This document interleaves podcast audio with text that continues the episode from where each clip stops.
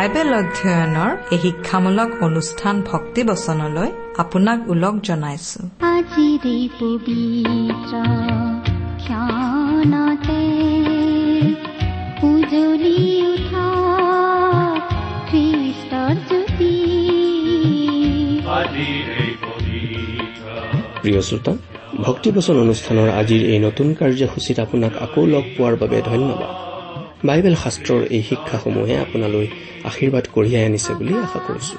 এই ভক্তিবচন অনুষ্ঠানত আমি যিজন ঈশ্বৰৰ বিষয়ে শুনিবলৈ পাওঁ তেওঁ অতি পবিত্ৰ ঈশ্বৰ। তেওঁৰ পবিত্ৰতাই ঈশ্বৰত্বৰ মহাগৌৰ। তেওঁ কেৱল নিজেই পবিত্ৰ এনে নহয় তেওঁ মানুহকো পবিত্ৰ হবলৈ সহায় কৰে। প্ৰভু যীশুখ্ৰীষ্টৰ ক্ৰুচীয় বলিদানৰ যোগেৰে পাপী মানুহৰ পাপ ধুবলৈ তেওঁ ব্যৱস্থা কৰিলে যাতে সেই বলিদানত বিশ্বাস কৰি পাপমোচন হয়। আৰু পাপৰ সাগৰত ডুব গৈ থকা মানুহ পৰিষ্কাৰ আৰু সূচী হয়। পবিত্ৰ হয়। অকল সেয়াই নহয় প্ৰতিদিন পবিত্ৰ জীৱন যাপন কৰিবলৈ সহায় কৰিবৰ বাবে তেওঁ পবিত্ৰ আত্মাক এই পৃথিৱীলৈ পঠিয়াই দিছে।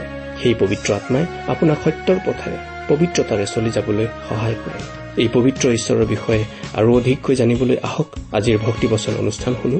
কেতিয়াবা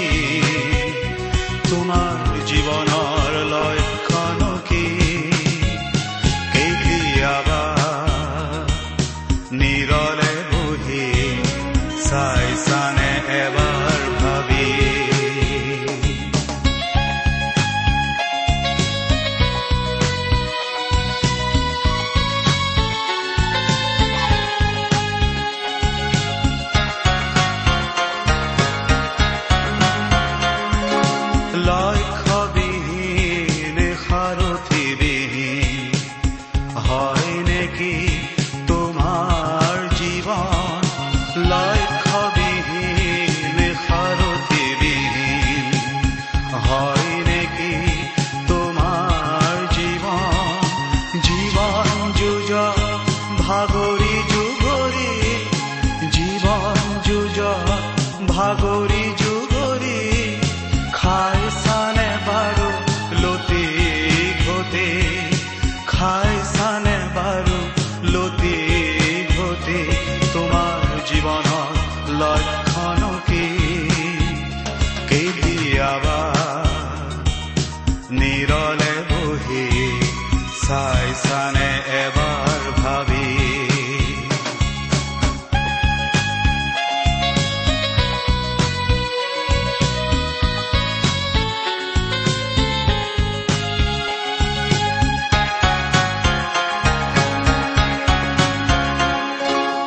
是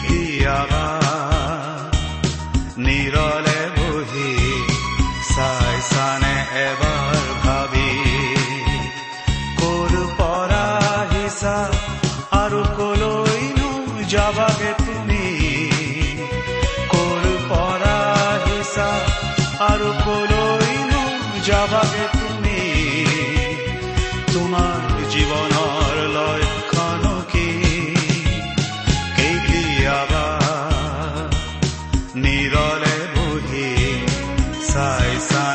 এবাৰ ভাবি পৰম পবিত্ৰ পৰিত্ৰাতা প্ৰভু যীশুৰ নামত নমস্কাৰ প্ৰিয় শ্ৰোতা কেনে আছেনো বাৰু? প্ৰভুৱে আপোনাক আৰু সকলোকে কুশলে মংগলে ৰাখক।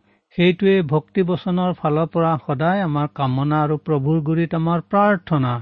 আপুনি যদি আমাৰ অনুষ্ঠান শুনি আছে তেন্তে জানে যে আমি ইয়াৰ আগৰটো অধ্যয়নৰ পৰা কলচীয়া পত্ৰৰ পৰা অধ্যয়ন কৰিবলৈ আৰম্ভ কৰিছো। আপুনি প্ৰথমটো অধ্যয়নতে জৰুৰ গম পাইছে যে পত্ৰখনৰ অধ্যয়ন বৰ আশীৰ্বাদজনক হ'ব। ইয়াৰ আগৰটো অধ্যয়নত আমি পত্ৰখনৰ পাতনি কথাৰ লগতে এক অধ্যায়টোৰ কেৱল এক আৰু দুই পদ দুটাহে আলোচনা কৰিলো। আজিৰ অধ্যয়নত এক অধ্যায় তিনি পদৰ পৰা আঠ পদলৈকে অধ্যয়ন কৰিম। কিন্তু অধ্যয়নত ধৰাৰ আগেয়ে আহক ঈশ্বৰৰ নামত ধন্যবাদ জনাই তেওঁৰ সহায় আশীৰ্বাদৰ বাবে তেওঁৰ চৰণত প্ৰাৰ্থনা ৰাখো হওক যাতে এই অধ্যয়নসমূহৰ পৰা আমি আমাৰ জীৱনৰ কাৰণে যি যি আশীৰ্বাদ লাভ কৰো সেইবোৰ বাস্তৱ অৰ্থতে আমি ৰূপায়িত কৰিব পাৰো। প্ৰাৰ্থনা কৰো।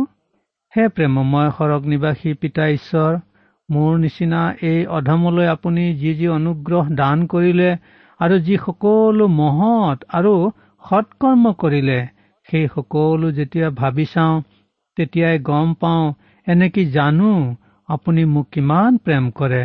আপুনি মোৰ সকলো পাপ অপৰাধ ক্ষমা কৰি মোক আপোনাৰ সন্তান কৰি ললে আপোনাৰ পৰিত্ৰাণ দান কৰিলে ধন্য হওক আপোনাৰ নামহে পৰম পিতা।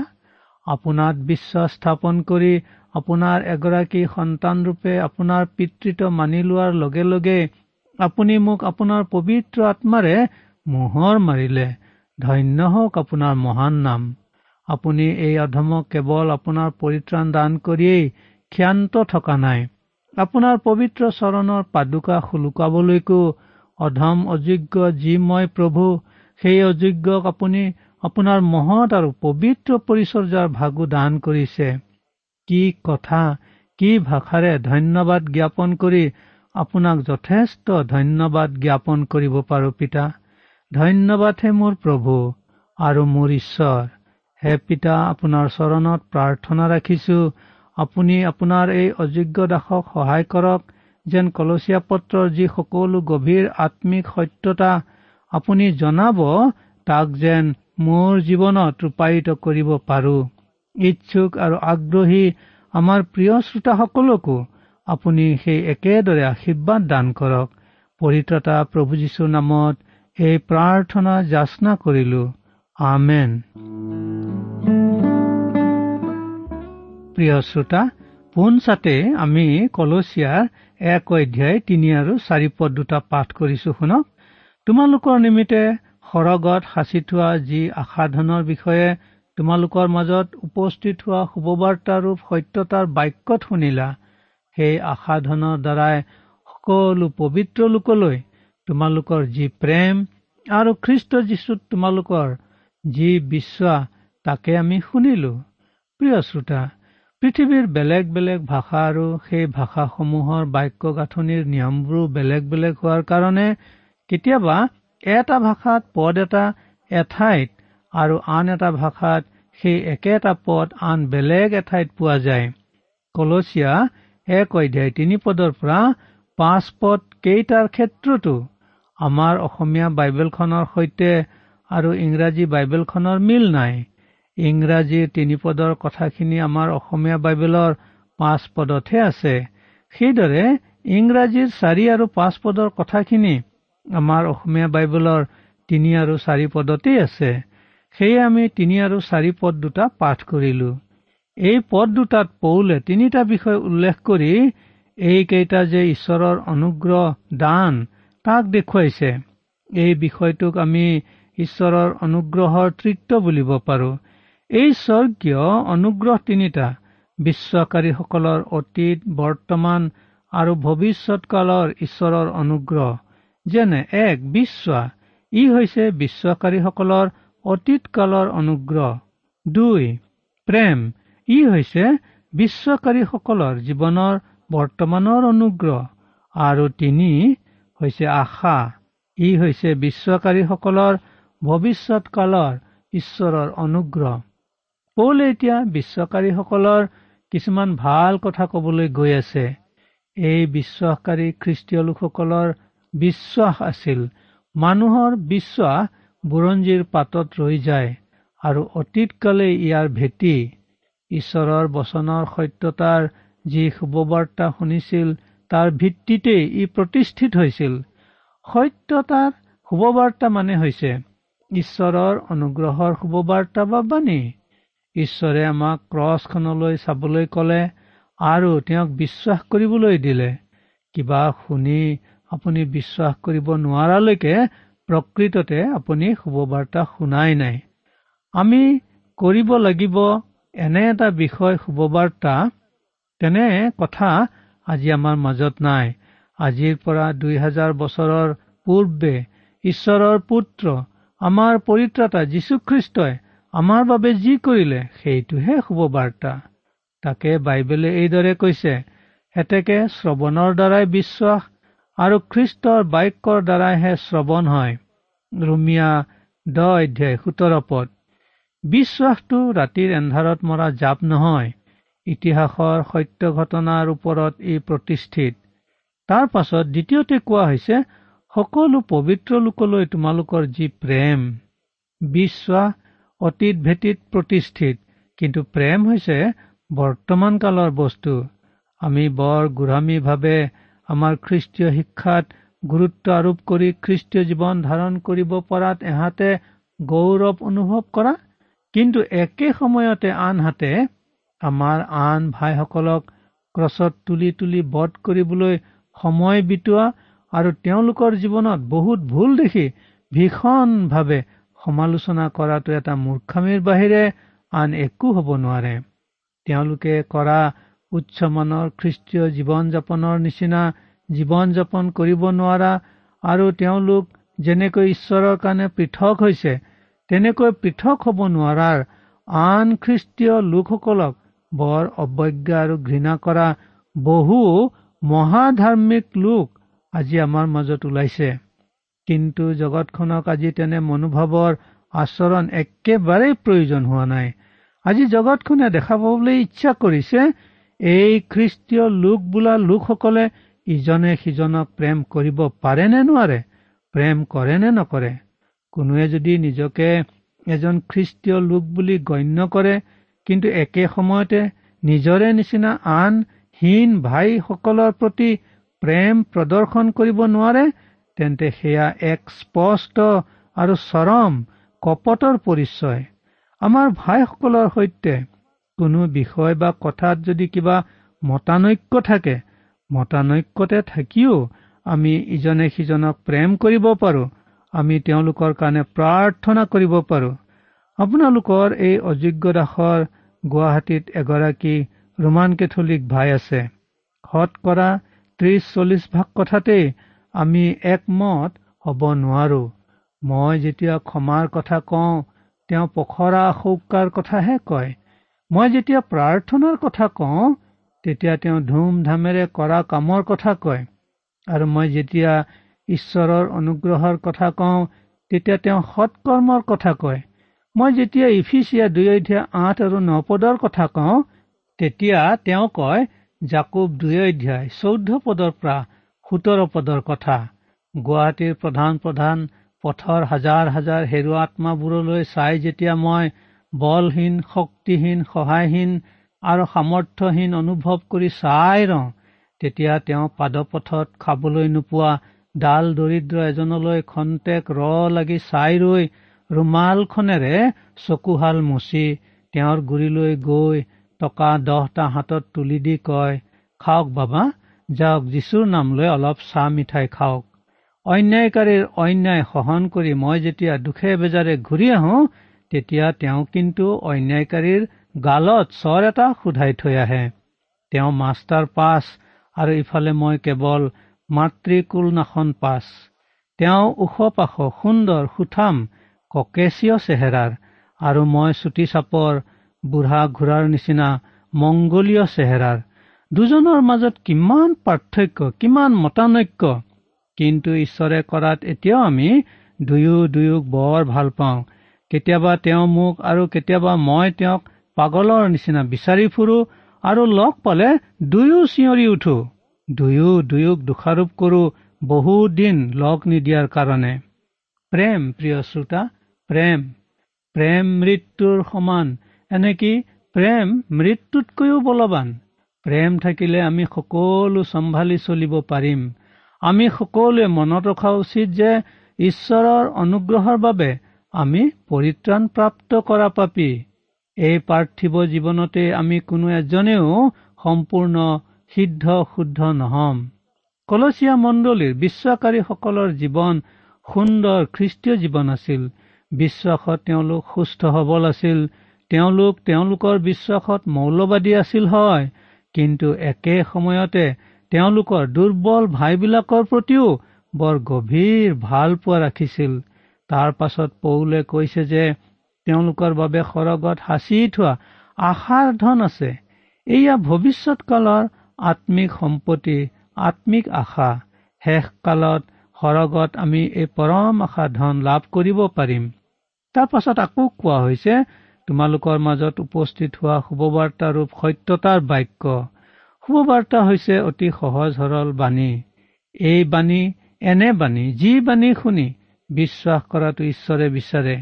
এই শুভবাৰ্তা আপুনি কিছুমান সত্য ঘটনাৰ ভিত্তিত বিশ্বাস কৰিব লাগে যে প্ৰভু যীশুখ্ৰীষ্ট কুমাৰী কন্যাৰ গৰ্ভৰ পৰা জন্ম লাভ কৰিছিল তেওঁ আচৰিত কৰ্ম সাধন কৰিছিল তেওঁ ইশ মানৱ আছিল তেওঁ এখন দুডালি কাঠৰ ওপৰত মৃত্যুবৰণ কৰিছিল কবৰস্থ হৈছিল আৰু পুনৰ জি উঠিছিল। তেওঁ পুনৰ স্বৰ্গাৰোহিত হৈছে। তেওঁ জগতলৈ পঞ্চাছ দিনীয়া পৰ্বৰ দিনা পবিত্ৰ আত্মা পঠাই দিছে যেন সেই পবিত্ৰ আত্মাই এই জগতত মণ্ডলী স্থাপন কৰে। তেওঁ আজি ঈশ্বৰৰ সোঁহাতে বহি আছে। তেওঁৰ সেই অৱস্থানে ইয়াকে সূচাই যে তেওঁত আমাৰ যি মুক্তি সেই মুক্তি সম্পূৰ্ণ হৈছে। তেওঁৰ ওচৰলৈ অহা সকলো মানুহে তেওঁ আমাৰ বাবে প্ৰস্তুত ৰখা বিশ্ৰামত আজি সোমাব লাগে। তেওঁ এতিয়া আমাৰ বাবে প্ৰাৰ্থনা কৰি থকা পৰিচৰ্যাত জড়িত। এদিন তেওঁ পুনৰ এই জগতলৈ ঘূৰি আহিব। এইবোৰেই শুভবাৰ্তাৰ কিছুমান সত্যতা। পাছপথ তোমালোকৰ কাৰণে সদায় প্ৰাৰ্থনা কৰি আমাৰ প্ৰভু যীশুখ্ৰীষ্টৰ পিতৃ ঈশ্বৰৰ ধন্যবাদ কৰিছো। প্ৰিয় শ্ৰোতা প্ৰভু যীশু খ্ৰীষ্টত থকা যিকোনো ব্যক্তিয়েই পোনপটীয়াকৈ ঈশ্বৰৰ গুৰিত প্ৰাৰ্থনা কৰিব পাৰে। কাৰো যোগেদি প্ৰাৰ্থনা কৰাৰ প্ৰয়োজন আমাৰ নাই। বিশ্বাসৰ দ্বাৰাই ধাৰ্মিক বুলি গণিত হোৱাৰ বাবেই আমি পোনপটীয়াকৈ ঈশ্বৰৰ গুৰিত প্ৰাৰ্থনা কৰিব পাৰো। তোমালোকৰ কাৰণে সদায় প্ৰাৰ্থনা কৰি আছো বুলি পৌলে যিমান লোকৰ কাৰণে প্ৰাৰ্থনা কৰা বুলি কৈছে সেই লোকসকলৰ এটা তালিকা প্ৰস্তুত কৰি তাৰ লগতে এই কলচীয়া মণ্ডলীৰ লোকসকলকো সন্নিৱিষ্ট কৰিলে তালিকাটো যিমান দীঘল হ'ব সি আমাৰ সকলোৰে বাবে এটা প্ৰত্যাহ্বান হ'ব। তেওঁলোকৰ কাৰণে তেওঁ সদায় প্ৰাৰ্থনা কৰিছিল। তেওঁলোক তেওঁৰ প্ৰাৰ্থনাৰ তালিকাত আছিল। ছয় পদ। যিদিনা তোমালোকে সত্যৰূপে ঈশ্বৰৰ অনুগ্ৰহৰ কথা শুনিলা আৰু জানিলা সেই দিনাৰে পৰা সেই শুভবাৰ্তা তোমালোকৰ মাজত যেনেকৈ গোটেই জগততো তেনেকৈ উপস্থিত হৈ ফল ধৰি বাঢ়ি আছে। বাইবেলৰ বহু শিক্ষক শিক্ষয়িত্ৰী আৰু ছাত্ৰ ছাত্ৰীবিলাকৰ প্ৰশ্ন আছিল পৌলৰ দিনতে গোটেই জগতখনলৈ শুভবাৰ্তা গৈছিল নে? কিন্তু গোটেই জগত বুলি পৌলে নিশ্চয় তেতিয়াৰো ৰোমিঅ সাম্ৰাজ্যৰ কথাকেহে কৈছিল। ৰোমিঅ সাম্ৰাজ্যৰো সকলো ঠাইলৈকে শুভবাৰ্তা গৈছিল নে? কথাটো আচলতে এনেকুৱা। সঁচা সকলো ঠাইলৈ শুভবাৰ্তা প্ৰচাৰক বা মিছনেৰী যোৱা নাছিল। আনহে নালাগে আমি আগৰে পৰা কৈ আহিছো যে পৌলে কলচীলৈকো যোৱা নাছিল আৰু ব্যক্তিগতভাৱে তাত শুভবাৰ্তা প্ৰচাৰো কৰা নাছিল। সেইদৰে ৰোমলৈ গৈছিল এগৰাকী বন্দিয়াৰ হিচাপেহে। ৰোমত শুভবাৰ্তা প্ৰচাৰ কৰিবলৈ তেওঁ মুক্ত লোক নাছিল কিন্তু তাতো মণ্ডলী স্থাপন হৈছিল। কেনেকৈ? কলচী আৰু ৰোমত তেওঁ ব্যক্তিগতভাৱে শুভবাৰ্তা প্ৰচাৰ কৰিব পৰা নগলেও কলচী আৰু ৰোমতো মণ্ডলী স্থাপন হৈছিল। কেনেকৈ? পৌল ইফিচত তিনি বছৰ কাল আছিল। দুটা বছৰ তেওঁ তাত থকা তিৰাণা বিদ্যালয়ত শিক্ষকতা কৰিছিল। এবছৰ কাল ঘূৰি ফুৰি ইফিচত থকা ৰোমিয় সাম্ৰাজ্যৰ দেশ বিদেশৰ মানুহৰ আগত শুভবাৰ্তা প্ৰচাৰ কৰিছিল। তেওঁলোকৰ কোনো কোনোৱে শুভবাৰ্তা বুজি বিশ্বাস কৰি বিভিন্ন ঠাইলৈ যাওঁতে তেওঁলোকেও শুভবাৰ্তা লগতে লৈ গৈছিল। ইফিছৰ মানুহবিলাকেই শুভবাৰ্তা কলচী আৰু ৰুমলৈ নিশ্চয় লৈ গৈছিল আৰু সেই দুই ঠাইত মণ্ডলী পাতিছিল আৰু সেইকাৰণেই পৌলে ইয়াত কৈছে তোমালোকৰ মাজত যেনেকৈ অৰ্থাৎ কলচীত যেনেকৈ তেনেকৈ গোটেই জগততো অৰ্থাৎ ৰুম আদি কৰি আন আন ঠাইতো শুভবাৰ্তা গৈ উপস্থিত হৈছে আৰু সেইদৰে মণ্ডলীৰ সংখ্যাত বাঢ়ি গৈ আছে। শুভবাৰ্তা গৈ উপস্থিত হোৱা মানে পৌলে ইফিছত শুভবাৰ্তা প্ৰচাৰ কৰা যিসকলে শুনি বিশ্বাস কৰিছিল তেওঁলোকে পাছত বেলেগ বেলেগ ঠাইলৈ যাওঁতে সেই শুভবাৰ্তা লৈ গৈছিল আৰু উপস্থিত কৰাইছিল। আমাৰ অসমতো মই কেইবাগৰাকী লোক লগ পাইছো যিসকলে নগাভূমিত চৰকাৰী চাকৰি কৰিবলৈ বা ব্যৱসায় বাণিজ্য চলাবলৈ গৈ তাৰ খ্ৰীষ্টীয় লোকসকলৰ পৰা শুভবাৰ্তা পায় যেতিয়া তেওঁলোক অসমৰ নিজৰ নিজৰ ঠাইলৈ ঘূৰি গৈছে লগত তেওঁলোকে শুভবাৰ্তা লৈ গৈছে আৰু সেই শুভবাৰ্তা তেওঁলোকেই তাত প্ৰচাৰ কৰিছে। অসমৰ গাঁৱে গাঁৱে ঘূৰি ফুৰোতে অখ্ৰীষ্টীয় দুই এগৰাকী লোক লগ পাইছো যিসকল পঢ়া শুনা কৰিবলৈ বা প্ৰশিক্ষণ আদি লবলৈ দক্ষিণ ভাৰতলৈ গৈছে আৰু তাতে শুভবাৰ্তা পাই অসমলৈ ঘূৰি আহি খ্ৰীষ্টীয় বিশ্বাস সাৱটি লৈ শুভবাৰ্তা নিজৰ ঠাইত উপস্থিত কৰাইছে। তেনে অৰ্থতে পৌলে গোটেই জগতৰ কথাটো কৈছে। আকৌ আন ধৰণে চাবলৈ গলে আমি এই কথাটো কব পাৰো যে ভক্তি বচন অনুষ্ঠানৰ জৰিয়তে অসমৰ গোটেইখনলৈ শুভবাৰ্তা গৈছে। অসমৰ বাহিৰলৈকো গৈছে। অসমৰ বাহিৰৰ এখন মহানগৰৰ এগৰাকী উচ্চ পদস্থ অসমীয়া আৰক্ষী বিষয়া এজনে মোক কৈছিল যে তেওঁ নিয়মীয়াকৈ ভক্তিবচন অনুষ্ঠান শুনে আৰু ধৰিবলৈ টান দেখি মিটাৰ বেন আৰু কিলোহাৰ্ছ ধৰা ডায়েলডাল লৰোৱা চৰোৱা নকৰাকৈ সদায় যেনেকে ৰাখে তেনেকৈয়ে ৰাখে। সেই ৰেডিঅ'টোকো কাকোকে চুবলৈ লাৰিবলৈ নিদিয়ে। সঁচা কথা শুভবাৰ্তা বাঢ়ি বাঢ়ি গৈ আছে আৰু বাঢ়ি বাঢ়ি গৈ থাকিব। প্ৰভুৰ গুৰিত আমাৰ প্ৰাৰ্থনা যেন ই অধিক দ্ৰুত গতিৰে বাঢ়ি বাঢ়ি গৈ থাকে। সাত পথ। সেই সত্যৰূপে অৰ্থাৎ সেই অনুগ্ৰহৰ বিষয়ে তোমালোকে আমাৰ প্ৰিয় সহদাহ ইপাফ্ৰাৰ পৰাই শিকিলা। তেওঁ আমাৰ নিমিত্তে খ্ৰীষ্টৰ বিশ্বাসী পৰিচাৰক। আমি আগতেই কৈ আহিছো যে ইপাফ্ৰা হয় কলচী মণ্ডলীৰ পালক নহয় এগৰাকী বিশেষ নেতা আছিল। পৌলে তাক আমাৰ প্ৰিয় সহদাহ বুলি কৈছে। কিমান মৰম সনা কিমান সন্মানিত কথাৰ এয়া ব্যৱহাৰ। শুভবাৰ্তা প্ৰচাৰ কৰা অথবা আন্তৰিকতাৰে মণ্ডলীৰ পৰিচৰ্যা কাম কৰা লোকসকলৰ ক্ষেত্ৰত অৰ্থাৎ সকলো পৰিচৰ্যা কাম কৰা মানুহৰে ক্ষেত্ৰত পৌলে সন্মানিত আৰু অনুগ্ৰহ ভৰা ভাষাৰে উচিত সন্মান যাচিব জানিছিল আৰু উৎসাহ আৰু উদ্দীপনা দিছিল। কিন্তু দুষ্ট আৰু বদমাইচ লোকক তেওঁ সহিব নোৱাৰিছিল আৰু কোনো ধৰণৰ আপোচ তেওঁলোকৰ সৈতে নকৰিছিল। তেওঁ শুভবাৰ্তা প্ৰচাৰ কৰিবলৈ প্ৰথম যাত্ৰা কৰিবৰ বেলিকাই ইলুমাই নামৰ এগৰাকী মায়াবীক চৈতানৰ পুতেক বুলি তৰ্জন গৰ্জনৰ দাবীৰে কিছুকাল অন্ধ হৈ থাকিবলৈ অভিশাপ দি ইলুমায়ক অন্ধ কৰি পেলাইছিল। সেইদৰে আমি আমাৰ প্ৰভু যীশুৰ ক্ষেত্ৰতো দেখো তেওঁ দুখী আৰু পাপীক বৰ দয়া কৰিছিল। তেওঁলোকক সুন্দৰ দয়া ব্যৱহাৰেৰে মৰম কথাৰে মৰমৰ বান্ধোনৰ ভিতৰলৈ আনিছিল। জাকুবৰ নাদৰ পাৰৰ চমৰীয়া তিৰোতাজনী হাতে লোটে ধৰা পৰা পাতিকী তিৰোতাজনী স্বকীয় আৰু মানুহৰ ভয়ত নিজৰ গাৰ চামৰা বচাবলৈ আন্ধাৰৰ বুকু ফালি ফালি নিশা প্ৰভুৰ ওচৰলৈ অহা নিকডিমৰ সৈতে। তেওঁ কেনেদৰে ব্যৱহাৰ কৰি আৰু কেনে কথাৰে তেওঁলোকৰ অন্তৰ জয় কৰিছিল সেয়া বৰ মন কৰিবলগীয়া আৰু প্ৰভু আৰু পৌলৰ মানুহ ধৰাৰ সেই পদ্ধতি আমি শিকা বৰ প্ৰয়োজন। প্ৰিয় শ্ৰোতা পৌলৰ ঠাইত যদি মই ইপাফৰাৰ বিষয়ে কিবা লিখিলোহেঁতেন তেতিয়া লিখিলোহেঁতেন চাগে। মই ঈশ্বৰক ধন্যবাদ জনাওঁ যে ইপাফৰা এদিন মোৰ যোগেদি প্ৰভুলৈ আহিছিল।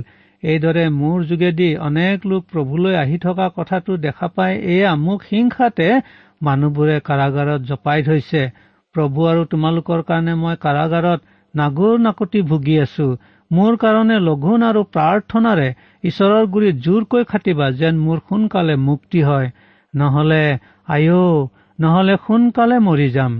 এইদৰে প্ৰথমতে নিজৰ ফটা ঢোলকে বজাবলৈ চেষ্টা কৰিলোহেঁতেন তাৰ পাছত গোটেই প্ৰশংসাখিনি নিজলৈ সামৰি লৈ প্ৰভুৰ নিমিত্তে মস্ত শূন্য এটা ৰাখি দিলোহেঁতেন আৰু শেষত গৈ আত্মপুতত মৰিলোহেঁতেন। প্ৰিয় শ্ৰোতাবৃন্দ আপোনালোকৰ কোনো কোনোৱে চাগে ভেহ ভেহকে হাঁহিছে না? হহা লাগিছে যদি হাঁহক কিন্তু অকণ মন কৰি চাবচোন আপুনি নিজকে হাঁহিছে নেকি? আঠপদ আৰু পবিত্ৰ আত্মাৰ গুণত তোমালোকৰ যি প্ৰেম আছে তাক তেওঁই আমাক জনালে। আমি এই পত্ৰখনত পবিত্ৰ আত্মাৰ বিষয়ে জোৰ আৰোপ কৰা শিক্ষা নাপাওঁ যদিও কলচীয়া মণ্ডলীৰ বিশ্বকাৰীসকলক পৌলে এই কথাটো অতি স্পষ্টৰূপে জনাই দিছিল যে পবিত্ৰ আত্মাৰ দ্বাৰাই নোহোৱা হলে তেওঁলোকে এই প্ৰেম আচৰণ কৰিব নেজানিলেহেঁতেন। পবিত্ৰ আত্মাৰ ফলৰ বিষয়ে পৌলে গালাটিত থকা মণ্ডলীৰ ভাই ভনীসকলৈ লিখা আমি পাওঁ। আজিৰ অধ্যয়ন আমি ইমানতে সামৰো হওক কিন্তু সামৰণি মৰাৰ আগতে কলচী মণ্ডলীৰ পৰা শিকিবলগীয়া সেই প্ৰয়োজনীয় কথাটো পুনৰ আপোনাক সোঁৱৰাই দিব বিচাৰো যেন আপুনি আপোনাৰ মণ্ডলীত তাক ব্যৱহাৰত লগাব পাৰিব যে কলচী মণ্ডলীয়ে তেওঁলোকৰ যি খ্ৰীষ্টীয় বিশ্বাস তাক বৰ গুৰুত্ব সহকাৰে আৰু মৌলবাদীৰ দৰে বজাই ৰাখিছিল। কিন্তু সেই বুলি তেওঁলোকে তোমালোকতকৈ আমি পবিত্ৰ এই মনোভাৱ তেওঁলোকতকৈ দুৰ্বল ভাই ভনীৰ প্ৰতি ৰখা নাছিল বৰং তেওঁলোকৰ প্ৰতি বৰ গভীৰ প্ৰেমহে ৰাখিছিল। আপোনাৰ মণ্ডলীখন কেনে অৱস্থাত আছে তাক আপুনি নিজেই জানে। কলচী মণ্ডলীখনৰ পৰা কিবা শিকিবলগীয়া আপোনাৰ মণ্ডলীখনৰ আছেনে প্ৰিয় শ্ৰোতা? ইমানতে সামৰিছো। নমস্কাৰ। মনেৰে মনেৰে তুমি ইমান পৰে আপুনি ঈশ্বৰৰ বাক্যৰ পৰা শিক্ষা শুনিলে। এই বিষয়ে আপোনাৰ মতামত জানিবলৈ পালে আমি নথৈ আনন্দিত হ'ম। আমি প্ৰস্তুত কৰা বাইবেল অধ্যয়নৰ চিডিসমূহ পাব বিচাৰিলে আৰু অনুষ্ঠানত প্ৰচাৰ কৰা কোনো কথা বুজিব লগা থাকিলেও আমালৈ লিখক। আমাৰ যোগাযোগৰ ঠিকনা ভক্তিবচন ট্ৰান্সৱৰ্ল্ড ৰেডিঅ' ইণ্ডিয়া ডাক বাকচ নম্বৰ সাত শূন্য গুৱাহাটী সাত আঠ এক শূন্য শূন্য এক। ঠিকনাটো আকৌ এবাৰ কৈছো ভক্তিবচন ট্ৰান্সৱৰ্ল্ড ৰেডিঅ' ইণ্ডিয়া ডাক বাকচ নম্বৰ সাত শূন্য গুৱাহাটী সাত আঠ এক শূন্য শূন্য এক। আমাৰ ইমেইল এড্ৰেছটো হৈছে Assamese T TV at the rate radio' eight eight two dot com আমাৰ website W W W dot T W R dot in আপুনি টেলিফোনৰ মাধ্যমেৰেও আমাক যোগাযোগ কৰিব পাৰে আমাৰ টেলিফোন নম্বৰটো হৈছে nine eight five four zero' four zero' eight eight nine phone নম্বৰটো আকৌ এবাৰ কৈছো ন আঠ পাঁচ চাৰি শূন্য চাৰি শূন্য আঠ আঠ ন আপুনি এই ভক্তিবচন অনুষ্ঠানটি আমাৰ website W W W dot radio' eight eight two dot কমতো শুনিব পাৰিব। আজিৰ অনুষ্ঠানটি ইমানতেই সামৰিছো। ঈশ্বৰৰ শান্তি আৰু অনুগ্ৰহ আপোনাৰ লগত থাকক। ধন্যবাদ।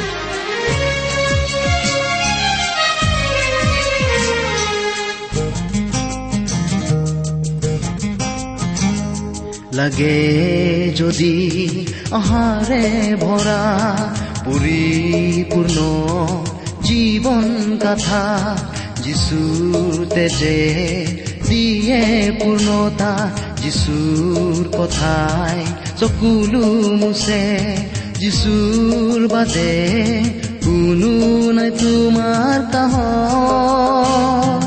মনেৰে মনেৰে তুমি ভাবিছানে? কোনো নাই কুতুমৰ কতো নাই জগতৰ যিচুৰ বাদে কোনো নাই। কোনো নাই কুতুমৰ কতো নাই জগতৰ যিচুৰ বাদে কোনো নাই। যিচুৰ বাদে কোনো নাই। যিচুৰ বাদে কোনো নাই।